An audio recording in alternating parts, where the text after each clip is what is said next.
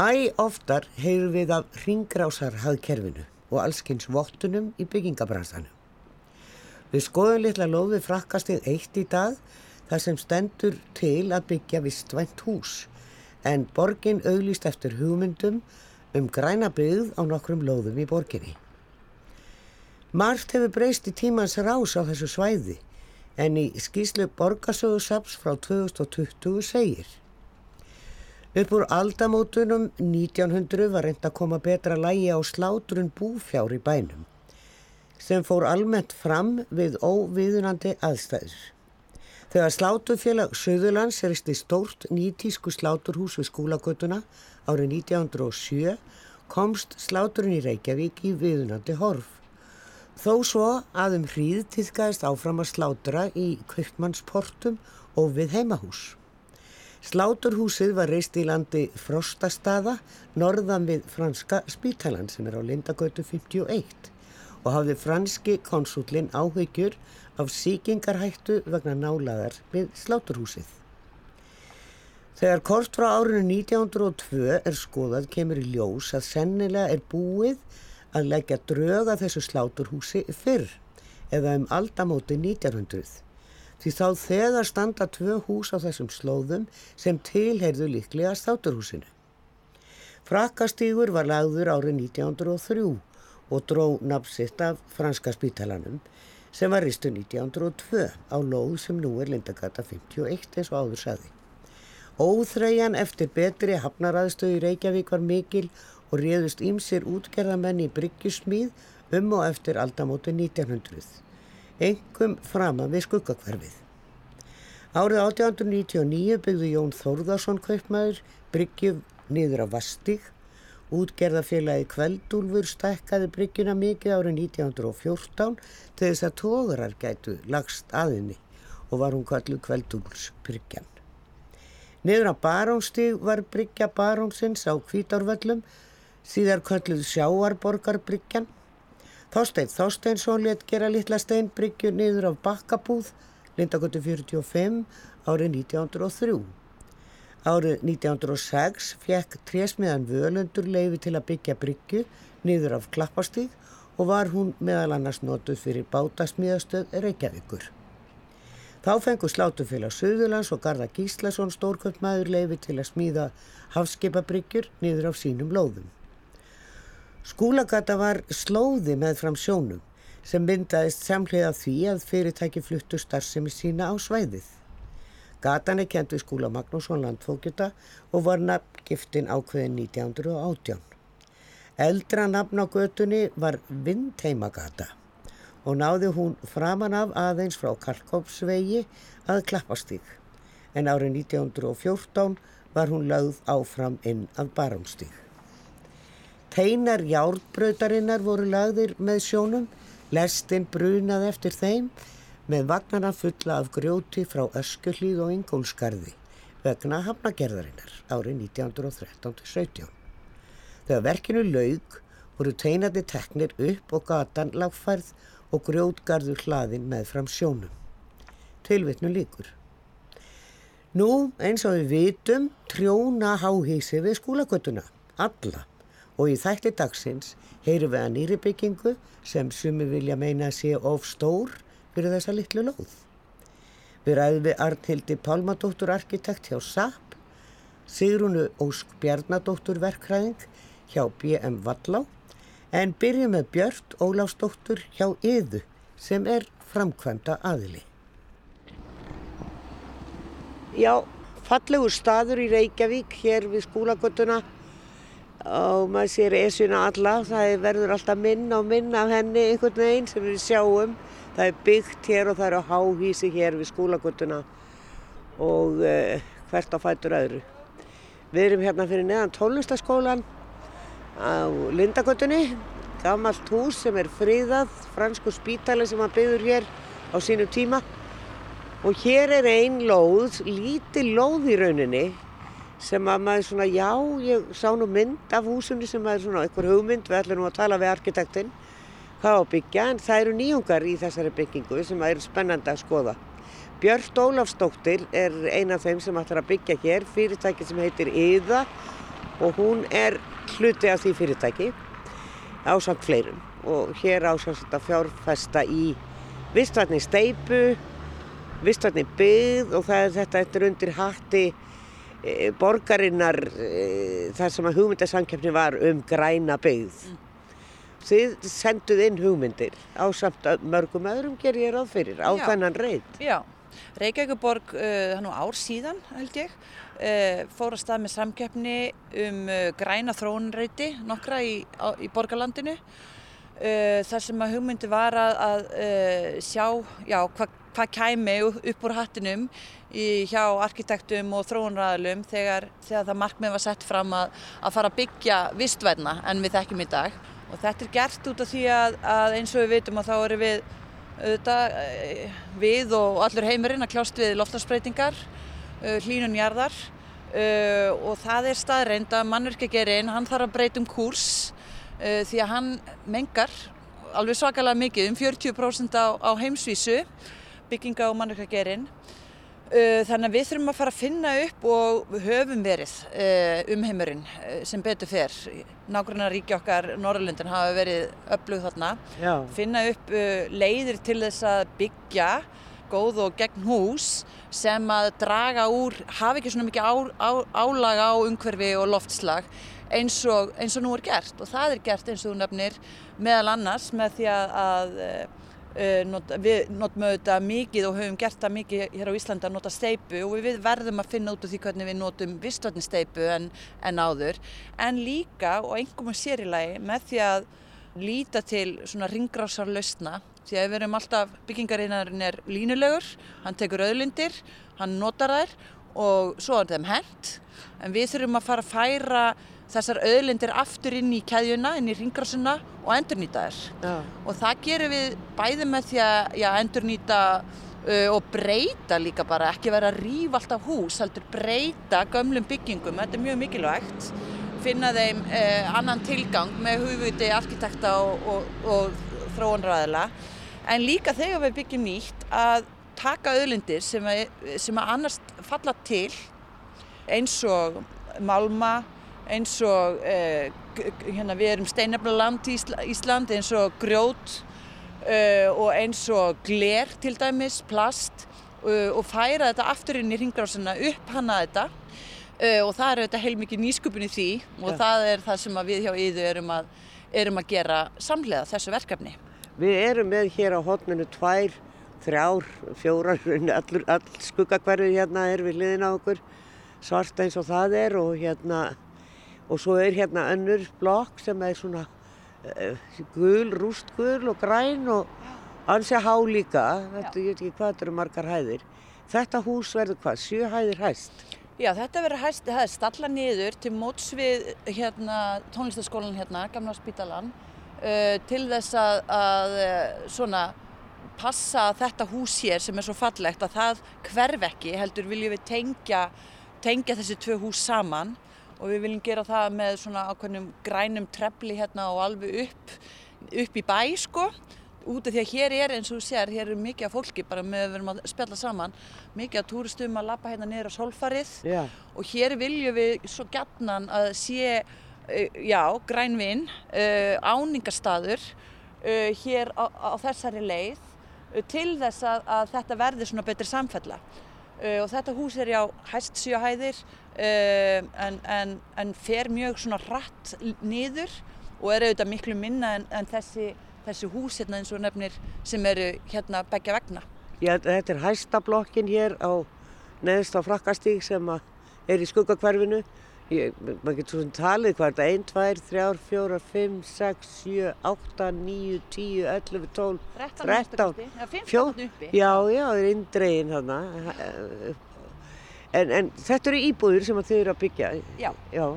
Þetta eru, hérna, þetta eru, þetta, þetta eru allslags íbúðir. Það, það, það verða í minnikantinum, kannski 60 fermetra megnunu til uh, og svo verða, svo verða mikið um útisvæði sem á, hérna, þessum, á þaksölum, eins og ég segi, sem að stallast hérna niður í átt á suðri og það verða sameili svæði, gardur hér á, á hvað ég segja, efri partinum uh, sem, að eins og, eins, og- sem að á að bjóða fólk velkomið úr öllum áttum, ekki bara íbúa húsins uh, og næstu hæðinni, þessi stjarthæðinni verður atvinnu rými, Já. samkvæmt deiliskyplagi og þar sjáum við fyrir okkur kaffihús eða, eða veitingar, veitingarstað eða, já, eða það sem að, það sem að þeir sem að það kaupa vilja, vilja reka.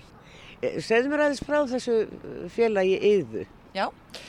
Uh, við erum stopnuð, ég náttúrulega kemur hérna pólitík og hef mikla í gegnum mín störð þar uh, sem umhverfisráðara líka mikið svona passjón fyrir umhverfismálum og þekki þau auðvitað út og inn. Við stopnuð þetta saman ég og vinkona mín í, úr, úr hérna pólitíkinni raunar sem myndi Brynildi Björnsdóttir, hún og hennar maður eiga uh, gegjaverk sem er bara svona hefðbundi verktakafyrirtæki, mjög flott og þau, svona við ákvaðum að leiða saman hest okkar í því að, því að þau eru glögg á það hvað framtíðin byrja skauta sér líka Já, já. uh, og auðvitað hefur byggingageirinn svona hægt en er að, það er að farast í aukana að hann er að svona myndast við að breyta sér að einhverju leiti horfa til framtíðar og, og hérna og líka framlega það sem að almengur er að kalla eftir. Við vitum að einhverjus meðutund er orðin svo rosalega sterk Já. í fólki að næstum með öllum kynnslóðum að við erum að svara þessu kalli og það er einn svona stóðinn okkar að við byggjum hús sem er, hafa uh, minna kolumnusfótspor en ella og við viljum sí, gætna sína hvernig það er hvernig hægt er að gera það og hvetja aðra til að gera slítið sama og svo er uh, að, og það verður uh, og er á teikniborðinu hjá okkur annað starra verkefni þar sem að út af því við viljum svo gjarnan leiða saman já, svona kynnslóða tvennar kynnslóðir, ef við getum sagt sem svo, í húsunum okkar.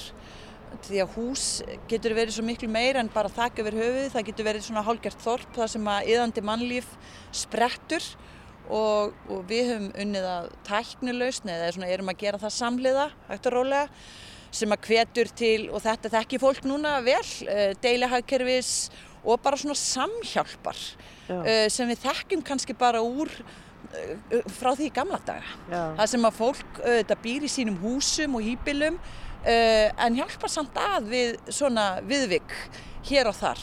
Og þannig að það, okkur finnst það spennandi. Minkað í samfélaginu og fólk er mjög prívat, það vil einhvern veginn verða þannig.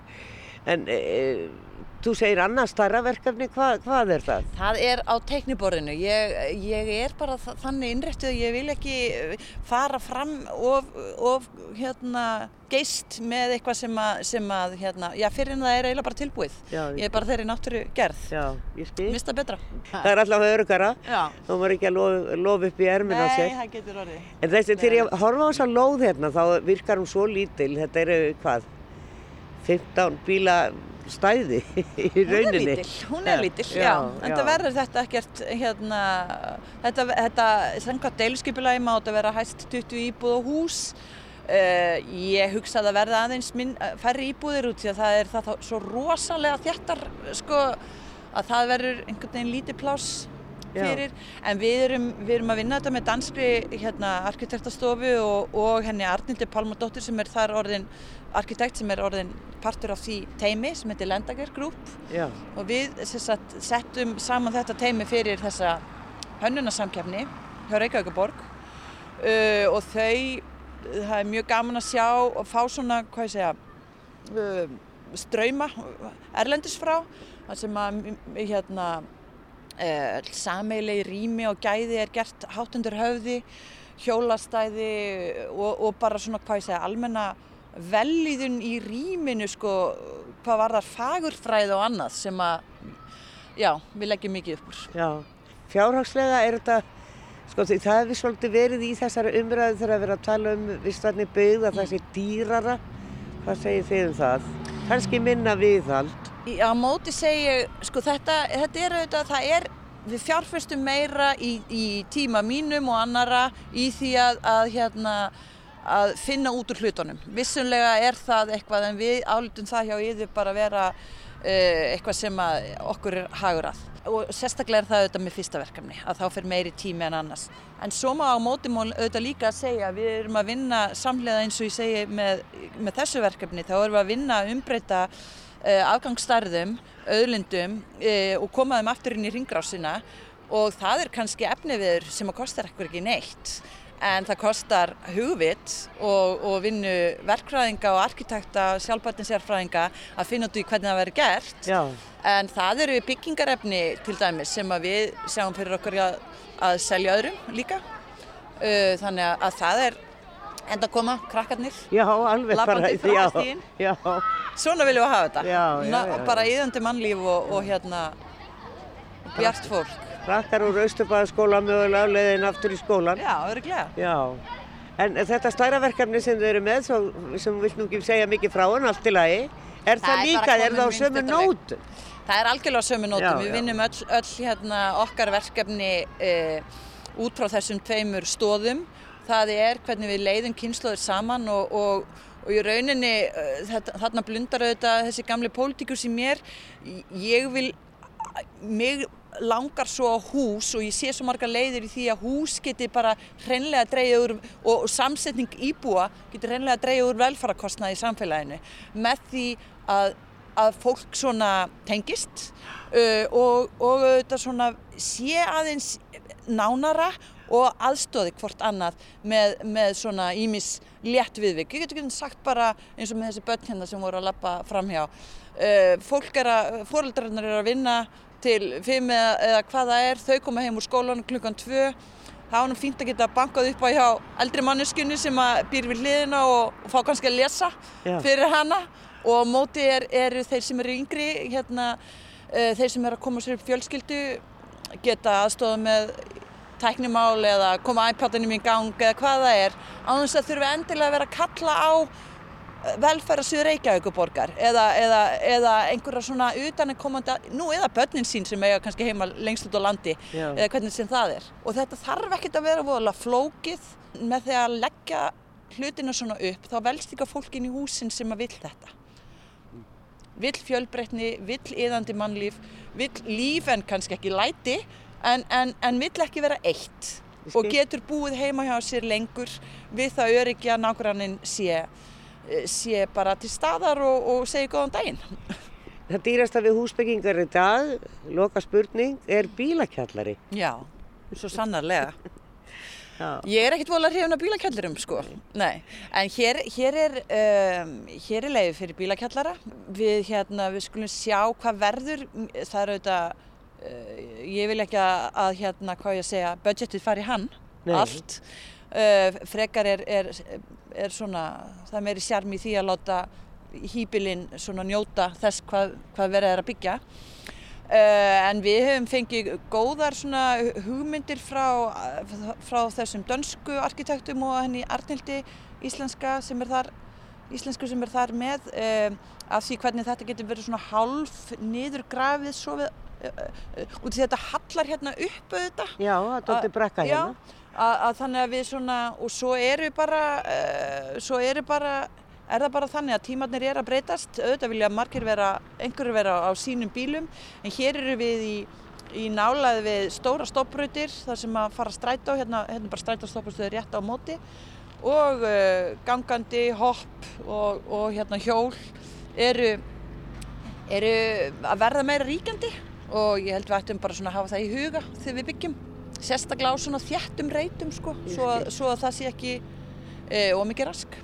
Áætlun hvenar ætti að byrja? Já, við viljum byrja svo fyrst. Þetta tekur allt sinn tíma í Já. borgarkerfi og ýmsu, en við erum byrjað að forhönnun við- og, og hérna við erum, við erum byrjuð. Já. Við erum byrjað að hanna og þróa og, eh, byggingarefni uh, með samstastæðalum í, í, í fyrirtækjum. Uh, þannig að- hérna, en svona við, við vorum að spyrja hvernig við gröfum, þar sem við gröfum, að það, þá vonandi verður það bara fljótlega á, á næsta ári. Við ætlum um þetta að heyra um vistvæna steipu, tala við hana Sirri hjá BM Vallá og við ætlum líka að heyra í henni Arnildi Pálmandóttur arkitekt sem að við erum reynda nýbúin að tala við út á öðru verkefni en, en eh, hún er eh, spennandi það sem að hún er að fást við. Hún er virkilega að vinna í þessu vistvæna ringrásar kerfi. Sagði Björn Óláfsdóttur hjá Yðu og við leggjum í hann upp á höfða. Já, eins og ég nefndi á hann þá ætlum við að heilsa upp á hana Sirri sem heitir nú Sigriður Ósk Bjarnadóttir og er verkfræðingur og starfar hér hjá PM Vallá og við erum komin þangað uppið þér og þeirra fallega vinnusvæði, maður bara kemur hérna í starðarinn að gard og inn á bílsöðanum og hérna höfða sem er ekkert með verstæði og bíladrasl og allt mögulegt hérna en hérna er maður alltaf komin í einhvern vinn og, hlýtur að hafa mikil áhrif á starfsfólki hér að búi, vinni í svona fallegu umhverfi. Við ætlum að ræða um umhverfisvæna steipu, ég finn löngum alltaf að, að kanna þetta fyrir þáttinn. Hvað er að tala um? Að því steipan er mjög mengandi og bæði þegar við erum að nota hana bara í uppbyggingu og sömulegis ekki síður þegar við erum að bróta niður hús. Hvað að gera við hana? Mm. E, sko, já, ég bara eiginlega spyr hvað hver er munur en hvað, hvað er það að gera? Sko, já, þannig að steipa er náttúrulega opbóðslega mengandi, steipan sjálf og hérna þegar við horfum á heimsvísu þá er steipa talin ábyrg fyrir 7-8% af kólefnislósun á heimsvísu. Já. og þar af, af þessu 7-8% þar sem á 90% af í raun og veru lósun af þættinum er, sementið, þannig að er raun og veru sementið sem er þetta erfiða. Þó þetta sé bara 10% rúmáli steipunar þá er þetta þetta sem er svo opáðslega mengandi í framleiðslu.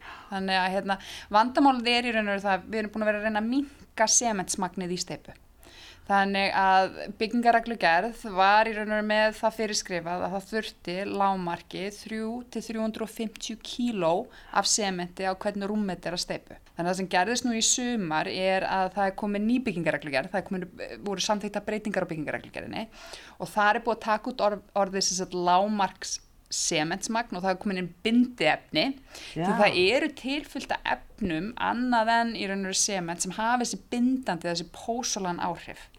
Og þá erum við með aukaafrið sem við þekkjum nokkuð vel, flugaska, kísilrig og slagg úr stálframlegslu sem getur komið í staðin fyrir sementa einhverju leiti, ekki alveg 100% við erum ekki komið þangað, en þú getur alveg verið með 5-10% af, af sagt, flugasku í hérna, sementsýblöndinni Hvað er flugaska? Já. Ég verði að spyrja. Heru, já, Flugaska er hérna, aukaafrið sem verður til við kólabrenslu Ah. Þannig að þetta er úr þessum rosalega mengandi yðnaði kólabrenslu, þá fáum við þessa flugasku og í raun og veru hérna, steinsteipan hafi verið að blanda þetta með sementunni til að búa til í raun og veru sements íblöndur eða uppskriftir sem eru með sama styrkleika og í raun og veru hefbundið sement. Þannig að það komið sér breyting núna um að þú getur fara að nota ekki bara sement, þú mátt nota bindefni þannig að þú mátt nota þessar auka afurðir sem lækka þá í raun og veru magnið af sementinu og þar með lækka kólumnusporið og þetta er svona það fyrst og svo hitt það sem gerðist í sumar með nýjum hérna,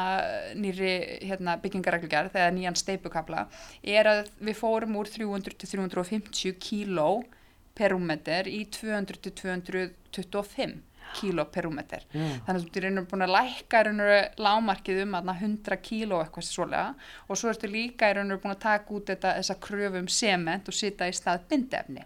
Þannig að það sem við erum að gera hér er að við erum bara að prófa og þróa alls konar steipu blöndur sem eru lámarka sements hérna magn en tryggja sömu sagt, eiginleika steipunar þannig að við erum, erum að knýja fram sama styrkleika, sama veðrunarþól og allt þetta samkvæmt áreitisflokkonum í byggingareglugjörðinni en við erum að nota minna sement og það er með höfu við lægra kólumnispór. Eh, sko, akkur er ekki búin að gera þetta, hérna, bara fatt þetta, skilur þú, þú ert verkfræðingur og ég meina þeir hafa verið til í fleiri, fleiri ár. Ja. Af hverju er enginn búin að hugsa þetta? Sko þetta er, þetta er alveg búið að vera til staða lengi. Við, það hafa verið sementstegundir á markaði á Íslandi í mörg ár með, með flugösku. Markaðurinn er bara stundum svolítið þungur, hann er svolítið íhaldsamur. Við erum opbóðslega, sko við teljum okkur vera alveg opbóðslega sérstöku í Íslandi sem við erum. Við búum við náttúrulega há, há, hátíðinni sem frost og þýðu, frost og þýða, frost og þýða. Þetta er það sem í raun og veru það versta sem getur komið fyrir steipuna, er að hún frýs og svo þiðnar hún aftur. Og, hérna, og vegna þess þá erum við voðalega treg eða sein til að prófa eitthvað nýtt. Við vitum að gamla anleggsementið sem er reynd og með miklu og sterkur sementi að það er gott í, í frost og þýðu. Ja. og við vitum að það er með háan þrýstistyrk þannig að við, erum, við notum það sem við þekkjum en hérna það sem við erum bara að sjá núna, við erum líka að breyta hvernig við byggjum í dag, við erum, við erum fann að einangra miklu meira að utan sem þýðir að steipan okkur er ekki að verða fyrir þessu rosalega áreiti, við erum náttúrulega erum í raun og veru að venda þennan rándýra hérna, þetta rándýra og flotta byggingarafni þannig að það sem maður sér í nöru þessar lausnir hafa alveg verið til en við erum enþá svolítið hrætt við þessar fjárfestingar okkar við erum enþá svolítið mikið að reyna að setja okkur belti og axlabönd og hérna viljum náttúrulega bara tryggja það að það gerist ekki neitt að notandin eða neytandin sé örugur. Við erum bara svolítið svona, já, íhaldsum þegar kemur að þessum yðnaði. En þú talar um eins og þetta flugaska sem er af kólum mm -hmm og einhvern veginn svona fyrir leikmann eins og mig þá hugsa ég kól er það ekki bara með því Akkurat. sem að mengar mest? Akkurat, og þetta er alveg rétt og hérna, þetta er mjög góð spurning því að hérna, það sem við erum að fara að sjá núna er í raun og veru út af því að Evrópussambandi er að fara í raun og veru að setja höft á kólabrenslu og í Evrópu allavega erum við að fara að sjá bara í raun og veru töluverð minna af kólaverum og þá í raun og veru töluverð minna af, af þessari flugasku þá þurfum við náttúrulega að fara að finna önnurefni ja og við erum með eitt slikt efni í, í, sagt, í pípunum á, á Íslandi, það er íslenska móbergið sem er í raun og veru, já, hefur þessa pósolan eiginleika, það er alltaf að mala það niður rosa fínt og það getur komið í staðin fyrir sement. Og við erum að skoða það, það er raun og veru hvort að svona, já, íslenskt hérna, já, móberg getur komið í staðin fyrir einhvern hluta af sementun og þá kannski er, er hérna, erum við búin að finna lausna á því þegar kóla hérna, kólaverin eru komin úr, úr umferð og okkur vantar annað efni í snæðan fyrir sementið. Er þetta nóg að því? Móbergi? Móbergi, já það er til nóg móbergi og hérna, við erum bara núna, við fengum sérstaklega í sumar, við erum að vinna með hérna, Háskóla Íslands í hérna, jarðvísindadildinni þar og erum í raun og að skoða, eða raun og að reyna að kortleggja magn hérna Móbergs með þessa eiginleika sem við þurfum og, hérna, og hversu mikið er til af þessu og, hversu mikil vinsla er þörf síðan á að búa til þetta efni. Það er rosalega mikilvægt að þú ætlar að fara að búa til einhver, einhver íblendi efni eða, eða önnur efni að þau séu eins kólefni slutlaus og hægt er. Þannig að við viljum geta unnuður sem minnst, við viljum ekki nota meiri orku en við þurfum til að vinna þau. Þannig að við erum í raun og núna er verið að skoða svolítið mismunandi hérna efnistökustadi og svo er raun og veru hversu, hversu miklu orku þar síðan að mala það niður þannig að sé hægt að blanda þessu með vatni og, og fá fram þessu sumu einleika. Nú ert þú í þessu teimi sem að fær þetta verkefni með þessa litlu lóð, mm. frakast í eitt, mm. sem að manni finnst alltaf bara að vera frímerki, ég tala nú ekki um á meðan við allar stór byggingarnar þarna í kring mm -hmm. og það má kannski segja að þetta hús sem þið eru að fara þróa ábyggja það er nokkuð stórt samt en, en svona kannski ekki á miða við þessar byggingar sem eru þetta fyrir. Og ég sá nú einhverja mynd í blöðunum bara í morgun það, það sem þetta virtist vera mjög mikið gler. Já, húsið, já, ég sko hérna, gler er náttúrulega með hérna mjög hátt kólefnisspor þannig að það er náttúrulega ekki alltaf umhverfisvænt en hérna það sem við erum kannski erum að reyna að knýja fram með þessum, þessum lausnum sem koma þarna fram er við erum að nota byggingarefni í bland við önnur byggingarefni. Þannig að planið er í raun og vera að, hérna, að tryggja það að aðal burðarkerfið í húsinu sé með eins látt kólefnisspor og hægt er. Og að hérna að því að í raun og veru mesti massin og ef, ef við tölum mest að losuna þáttin í byggingum í dag það er burðavirkið þannig að við þurfum í raun og veru fyrst og fremst að tryggja við sem að nota rétt efni þar til þess að ná fram hérna, eins, eins lágu kolumspor og hægt er. Og svo má kannski annað segja með það sem okkur langar náttúrulega að gera á þessum reyt er, er að reyna að endurnýta glugga. Og það er erfitt á Íslandi, það er bara við erum með mikla kröfur settar á, á, á glugga en við erum með fyrirmyndir erlendis frá það sem er verið að taka glugga, tvöfaldaglugga og, og í raun og veru tvöfaldada, þá er komið fjórfaldaglugga og þá ertu kannski komin með í raun og veru mjög gott aukildi sem stennst byggingareglugjærð og, og hérna og þarna ertu líka að koma með endurnýtingu sem telur þá inn í, í kólefnissporið og lækkar það með. Þannig að við erum að skoða svona alls konar lausnir á já, hvernig getur við endurnýtt, hvað megu við endurnýta og hvernig náum við að keira niður kólefnissporið þannig að þetta er allt gert í raun og með hérna, LCA-greiningar eða, eða lífsfyrirskreiningar til liðsjónar þar sem þú ert að skoða mismunandi útfæslur af byggingarefnum og, og reynir að taka síðan ákvarðinir út frá kólefnissporinu eða, eða umhverfis áhrifunum. Já, já. Nú er þessi frábæra stofa komin í samstarfið Arnildi Pálmadóttur arkitekt sem að lenda er í Danmörku sem að er komið greiðlega reynslu í því að endur nýta byggingarefni mm -hmm. og er að taka um eitt glugga og setja það aftur í eitthvað annað hús. Mm -hmm. Þú talar mikið um byggingareglugerð og henni hafi verið breykt ja.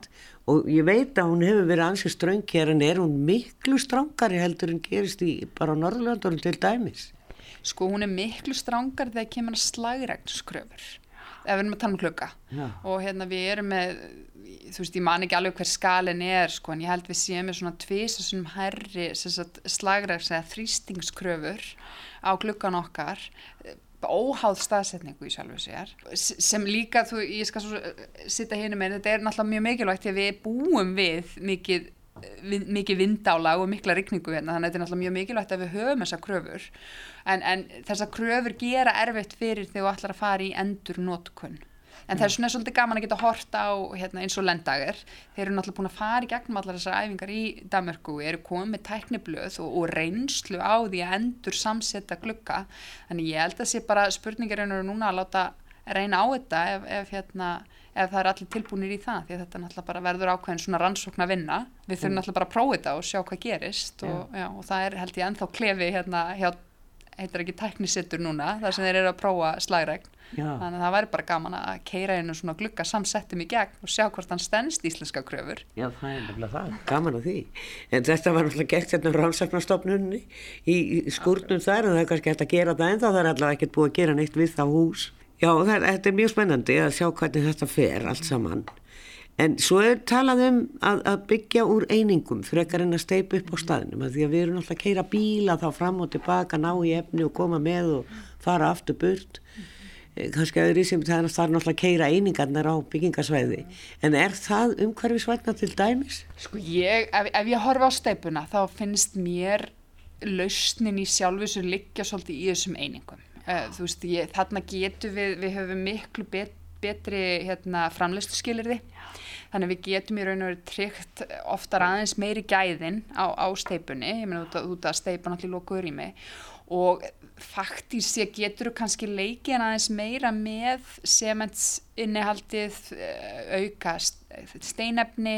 Þú veist það er alveg að fara í aðeins meiri æfingar að þú getur verið á lokuðum verkstað að vinna þetta en, en þú ert út á stöð, eða hérna út á verkstað segi þannig ég held þetta er það sem ég sé fyrir mér sko. Og svo líka er ég er sem sagt að vinna verkefni líka með Arnildi Pálmadóttir sem er hérna ringrásarhúsið við erum í raun og að þróa hér hjá hotsteini BM Valla á sem sagt einingar sem eru forsteiftar og það er hægt að taka þær í sundur Já. og sitta þær saman aftur þetta er svona framtíðin svolítið fyrir mér. Er, er, svona fólkin að miklu leiti í þessu verkefni? Þetta er svo hérna, lýsandi fyrir hvernig heimurinn gæti verið. Ef þú hannar strax í byrjun til þess að taka það í sundur setna þá er þetta komið svona algjörða svona hringraðs og svo ef þú ert í lokuðum hérna, aðstæðum og getur kannski leikið svolítið með kólefnissporið á steipunni við höfum mikla möguleika hann að þess að keira niður svolítið umhverfissporið á, á steipunni og á einingunum Þannig ég, þetta er svona það sem ég sé fyrir mig sem svona allavega svona, svona lighthouse verkefni í framtíðinni er, er svona eitthvað svona ringrasúhús sem þú tekur bara í sundur og sittur saman aftur. Við erum komin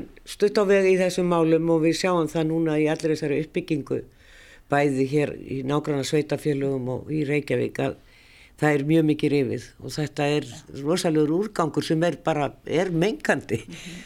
sem að, hvað á að gera við? Er, spyrjið þig verkfræðingi sem er að gera steipu hér er hægt að nýta já þennan úrgang mm. bara þú brítu niður stift hús mm.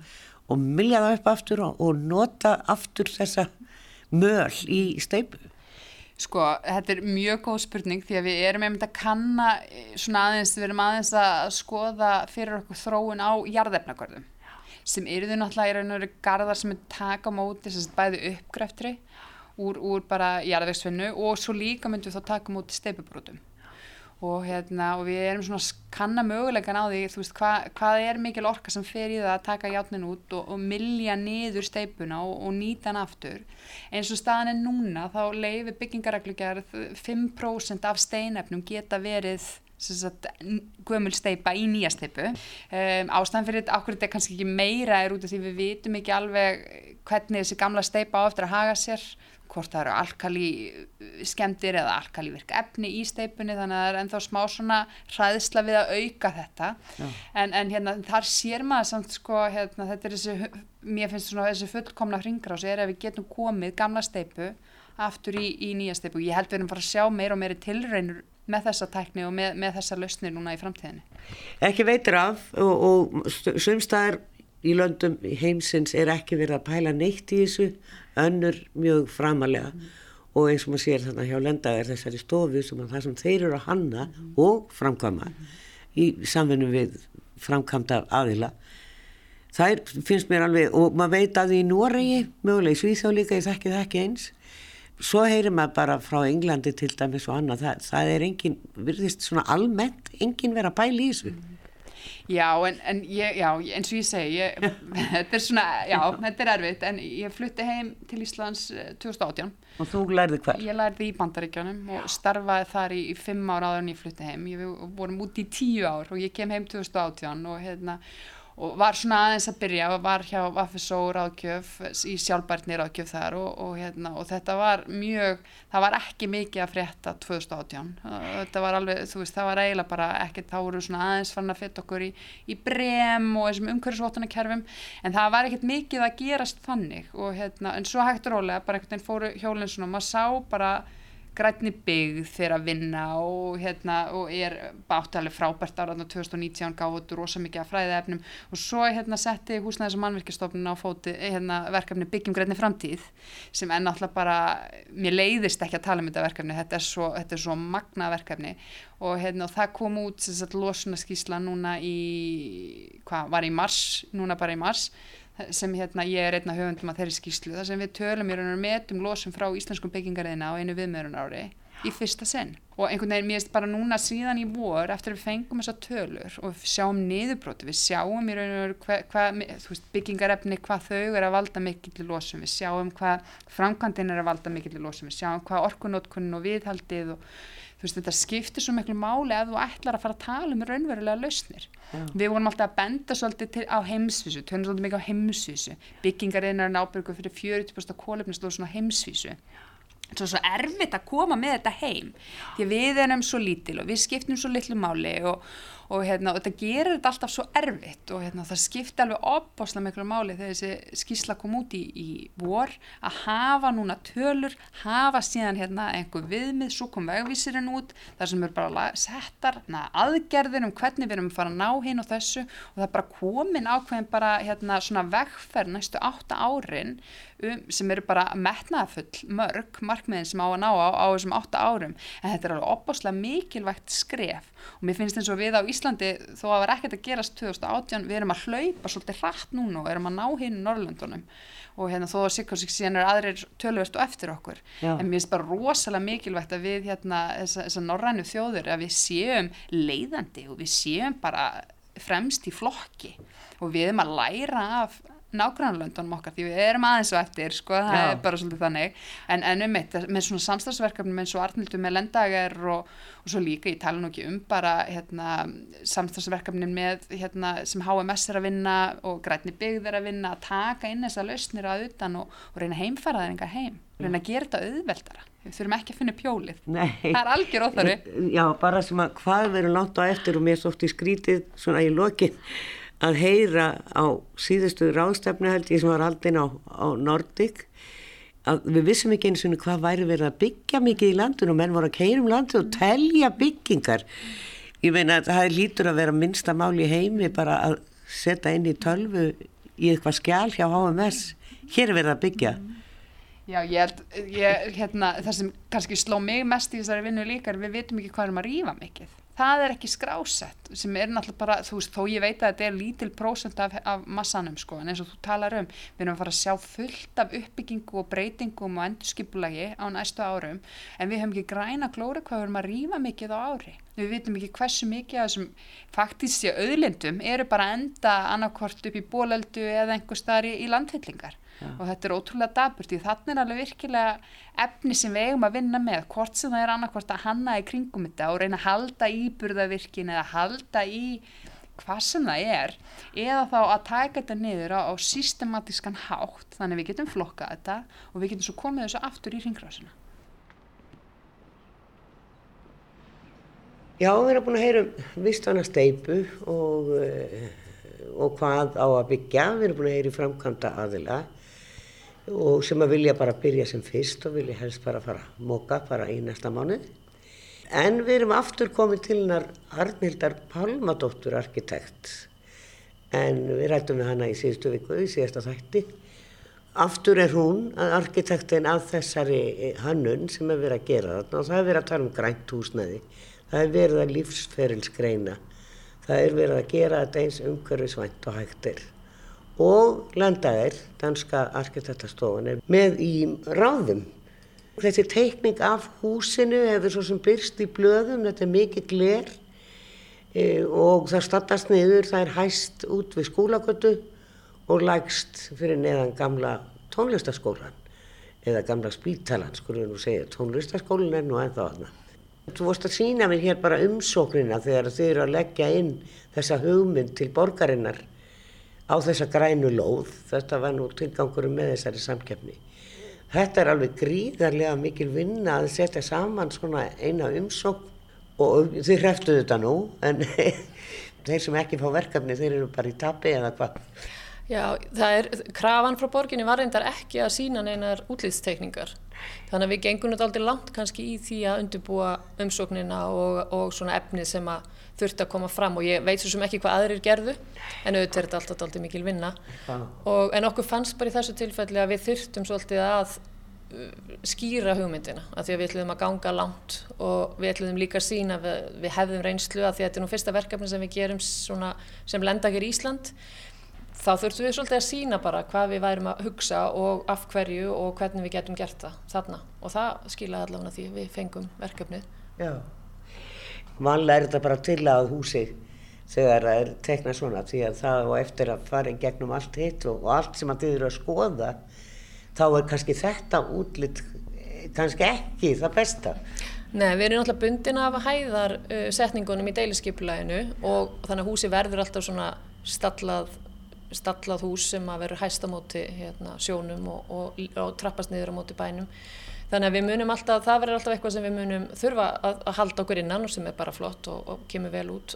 En kannski útvarslunar á efnunum nákvæmlega, það við vitum það ekki ennþá. Og það er hluti af þessu að byggja þetta út frá bara umhverjunu sem þetta stendur í, hvaða efni getur við nálgast til að mögulega endunýta og hvaða efni reiknast lægst í kolminsporunu í lífsverðisgreiningunum okkar ja. að því að nú erum við að vinna þetta alltaf þannig nú erum við ekki, ég kem ekki ákveð bara eða við hjá lenegar hérna, hvort þetta er áleða, timbur eða eitthvað svo leiðis heldur munum við reiknaða út og finna svo út hvernig hérna, kolminspori verður og hvort við komist yfir þetta efni og, já, já. og í dag er náttúrulega miklu betra hérna, nýta efni sem er til á Íslandi af því að út af öllum kostnæðinum við að hérna, flytinn og vegna byggtíman sem er orðin á, á efnum þannig að vonandi, við vonum að þetta gangi bara vel. Já, þetta er náttúrulega, það eru bara reysablokkir þarna nefnir skólagölduna, það er 101 skuggi, það stóra svarta hverfi, síðan eru kvítublokkirnar sem eru vestar við skólagölduna og, og verðast nú bara að vera miklu penni við hliðin á stóru, eh, stóru svörtu blokkanum og svo er, er líka áfram eftir skólagöldunni, það er þarna háhísi sem er held ég fyrir 60 pluss eða eitthvað slíkt og, og það eru bara svona háa blokkir þarna og þá náttúrulega byggja þarna eitthvað rísa hótel við hliðin á keksinu. Það sem að hólan stendur nú bara auðu og búin að gera ansi lengi, það lítur nú að fara, eitthvað að fara að gera staðar. Þú ert með þess að bara í rauninni litlu framkvæmt, að því að það, á meðan við allt hitt þá, þá er þetta bara mjög pent hús. Mm -hmm en samt sem áður háhísi en það væri kannski svolítið skrítið að byggja lítið hús það.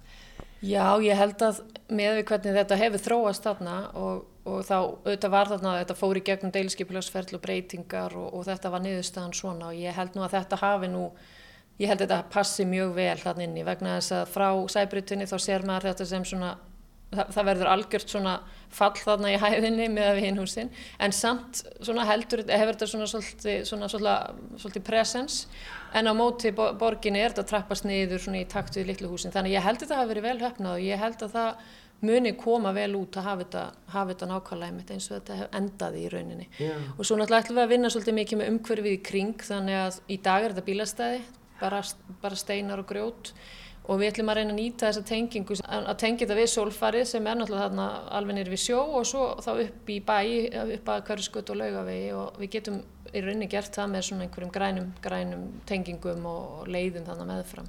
Á myndunum eru tré og það er nú það besta í rókinu og einhvern veginn maður gengur nú helst ekki sæbrutin að það er aðalega túristar sem að gera það, þetta fallega svæði því það er einhvern veginn alltaf rókar mm. Sem er þó ekkert bara út af húsunum þetta er bara þannig staður og það er norðan vindur í Reykjavík mm. í kuldanum en, en þú segir að því að við pröfa þetta og, og, og semst, í svona einhverjum líkingamaskinu að trían er að taka þarna þegar þið voruð að vindmæla þarna að trén er að taka heilmikið af skellum í, í kviðanum. Já, við gerðum svona vindgreiningu á þessu vegna þess að bara fenginni reynslu á Íslandi allstaðar að þá þarf að gera það bara strax um leið og áður en að byggingin er komin.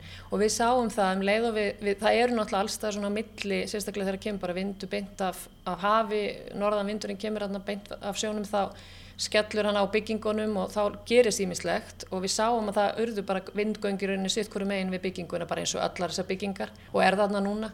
En um leið og við plöntuðum þykistu trjám hana meðfram kringum húsið og gróðri að þá dempar þetta neyður vindin þannig að hann verður þólanlegu fyrir þá sem eru gangandi. Og við munum bara vinna þetta áfram þannig að við munum halda þessu módeli módel áfram og í rauninni hanna umhverju svolítið þannig að þetta gefi ákveði skjól. En svo auðvitað þegar fólk kemur á sæbrutina er vindur af því að það er náttúrulega haf og, og svo bara esjan sko sem að teku við. Já. við ráðum ekki við það en við getum dempað hann þarna þannig að hann mingi jável upp, upp á mótu bænum. Þannig að kannski að lappa þarna á gatnamótunum þegar maður lappar lögavegin og kemur á gatnamótunum á frakasti þá kannski getum við aðeins verið búin að dempa já, eitthvað já, á leiðinni þar. Já, akkurat, það, eins og þess að það er oft það er alveg gott að ganga lögavegin sem sagt norðan með við hann í róki mm -hmm. en á öllum hliðagöttunum fær maður gustin á sig. Þannig að það er ágætt að nefna það. Af því að þið svona setið fram svona mikið gler eins og þarna og við erum búin að vera að heyra um umhverfisvætni steipu og ég, mér mann ekki hvort ég spurði hann að syrði að því en það er burðarþól þessara steipu sem er alltaf nummer 1, 2 og 3 mm en er mikið burðarþól í, í gleri Nei, við, það sem við munum örglega að gera og það sem er svona líklegast að gera er að byggingi verði einhvers konar blanda af ymsum byggingarefnum. Það er náttúrulega mjög hendut á Íslandi að hafa til dæmis liftukjarna og stegahús í steipu. Þá verður ákveðin stöðuleiki fyrir, fyrir, fyrir börðarkerfið. Hvort að við svo notum einingar í gólplötur eða uh, útvekja einingar sem að verða úr steipu eða ekki við um eftir að finna þetta allt saman út mögulega, mér finnst kannski líklegt núna svona að þetta gæti verið hérna, já, að steifti kjarnin og aðalburðakerfi verði steipa og svo mögulega einhverjir límtrisbitar og, og, og timpur kannski og einhverjir reyningar, það er, þetta, það er ólíklegt að þetta verði svona mikið gler eins og við erum að teikna þarna En þetta mun eitthvað verða svona reymanlegur, hérna, reymanlegt, reymanleg fasaða vegna þess að við megum fara aðeins út fyrir 60 cm út fyrir byggingareitin með svala, svalir til dæmis, útskottsklukka. Þannig ég held við munum aðeins leika okkur kannski með hana. Og já, en, en einmitt, við munum blanda sennilega byggingarefnum og það verður í rauninni bara lífsfyrirskreiningar og útreikningar í samfunni við verkfræðingarna sem að munu ákvarða þetta. Og öll steipan sem við munum nýta eins og þú rættir örgulega við Siri um mun verða þannig að við munum lækka það kólumspórins mikið og við getum. En ég rekna fastlega með því að, að við munum, að þetta eru sjöhæðir, að við munum nýtt okkur eitthvað uh, steiftan kjarnar til dæmis. Já, ég skil. Svo er það náttúrulega endurnýting á efni og það sem hann lendaður er að gera briljant hluti og hérna hafa emitt verið að endurnýta gler og annað og það er nú ímislegt sem hefur verið rætt um í því sambandi hversu mikið þól það er og þú varst nú að tala um í síðasta þætti um um bara regnslátt mm -hmm. sem er verið að prófa á gleri og hvort það er hægt að nota það aftur en, en það sem er svo fallet hjá þeim hérna í lendaðir þeir eru að skera út steip og þeir eru að skera út músteina og, og nota þetta aftur sem klæðningar og jafnvel aðra hluti í innréttingar mm -hmm. Já og við munum alveg vinna með þetta og um leið og við vissum að við fengjum lóðina þá höfum við verið svolítið útkiki í, í kringum svæði það hvar er verið að fara að rýfa hús, hvað er verið að fara uh, breyta einhverju þar sem við gætum kannski komið inn og tekið eitthvað sem við gætum kannski unnið áfram og það verður náttúrulega fullkomið ef við getum haldið þessari ringar á, á svæðinu en ekki verið að flytja inn, náttúrulega verst að flytja inn efni sem þarf að framlega frá grunni sem betra að koma með eitthvað sem getum nýtt og best ef við getum nýtta bara á staðnum og svæðinu. Já. Þannig að við munum skoða það og erum að skoða það og hérna, já, það væri náttúrulega mjög skemmtilegt. En við munum þurfa, við munum gæta öllu, við erum með mjög reyndan verktaka hann mun ekkert lega okkur að vera í einhverju, einhverju vittlisu með hérna, endinguna og, og svoleiðist þannig að þetta mun auðvitað bara vera þróað í samfunni við þá sérfræðingar sem að hafa vit á í, í hverju einu tilfelli. En, en þetta hús verður, það verður endur nýtt efni þarna og, og mikið örglega inni, klæðningar, innréttingarnar, frontandur og innréttingarnum til dæmis og hérna, já, og vonandi bara sem mest. Verður spennand að fylgjast með það, Hún uh, stallaði inn, hún segir hún ósk, hún held í fram að við verðum farin að hlaupa hraðar mm -hmm. í svona málum. Ertu sammála því, er við að svona vakna og taka við okkur hér á Íslandi? Því að við vorum einhvern veginn fara fyrir tíu árum ekkert að hugsa um þetta. Já, ég, við vorum eiginlega bara fyrir þremur árum ekkert að hugsa um þetta held ég. Það var, voru volið að fáar framkvæmdir þar sem að raunverulega var verið að reyna að lækka kolmnispori. Við voru, erum svolítið mikið að votta sem kannski hefur hjálpað hellingi í þessari framþróun en samt ekki til þess að lækka kolminsporið alltaf, vonandi verða bara bætur af því en, en við þurfum náttúrulega bara gera okkur grein fyrir því að, að við þurfum að minga, menga minna, við getum ekki verið að hérna, þurfum að minga mengunina og já, ég held að við séum alveg fara nátt okkur á því núna. Og þannig að við þurfum að taka þetta bara miklu lengra, miklu hraðar. Og ég held að við séum að vera rétt hjá henni, við erum örgulega farin að hlaupa aðeins sagði Arnildur Pálmadóttur arkitekt hjá SAP. Það verður spennand að sjá hvernig gengur með þessa byggingu en skúlagatan er komið með ákveðna mynd, háhísa frá vestri til austurs. Virðið sæl.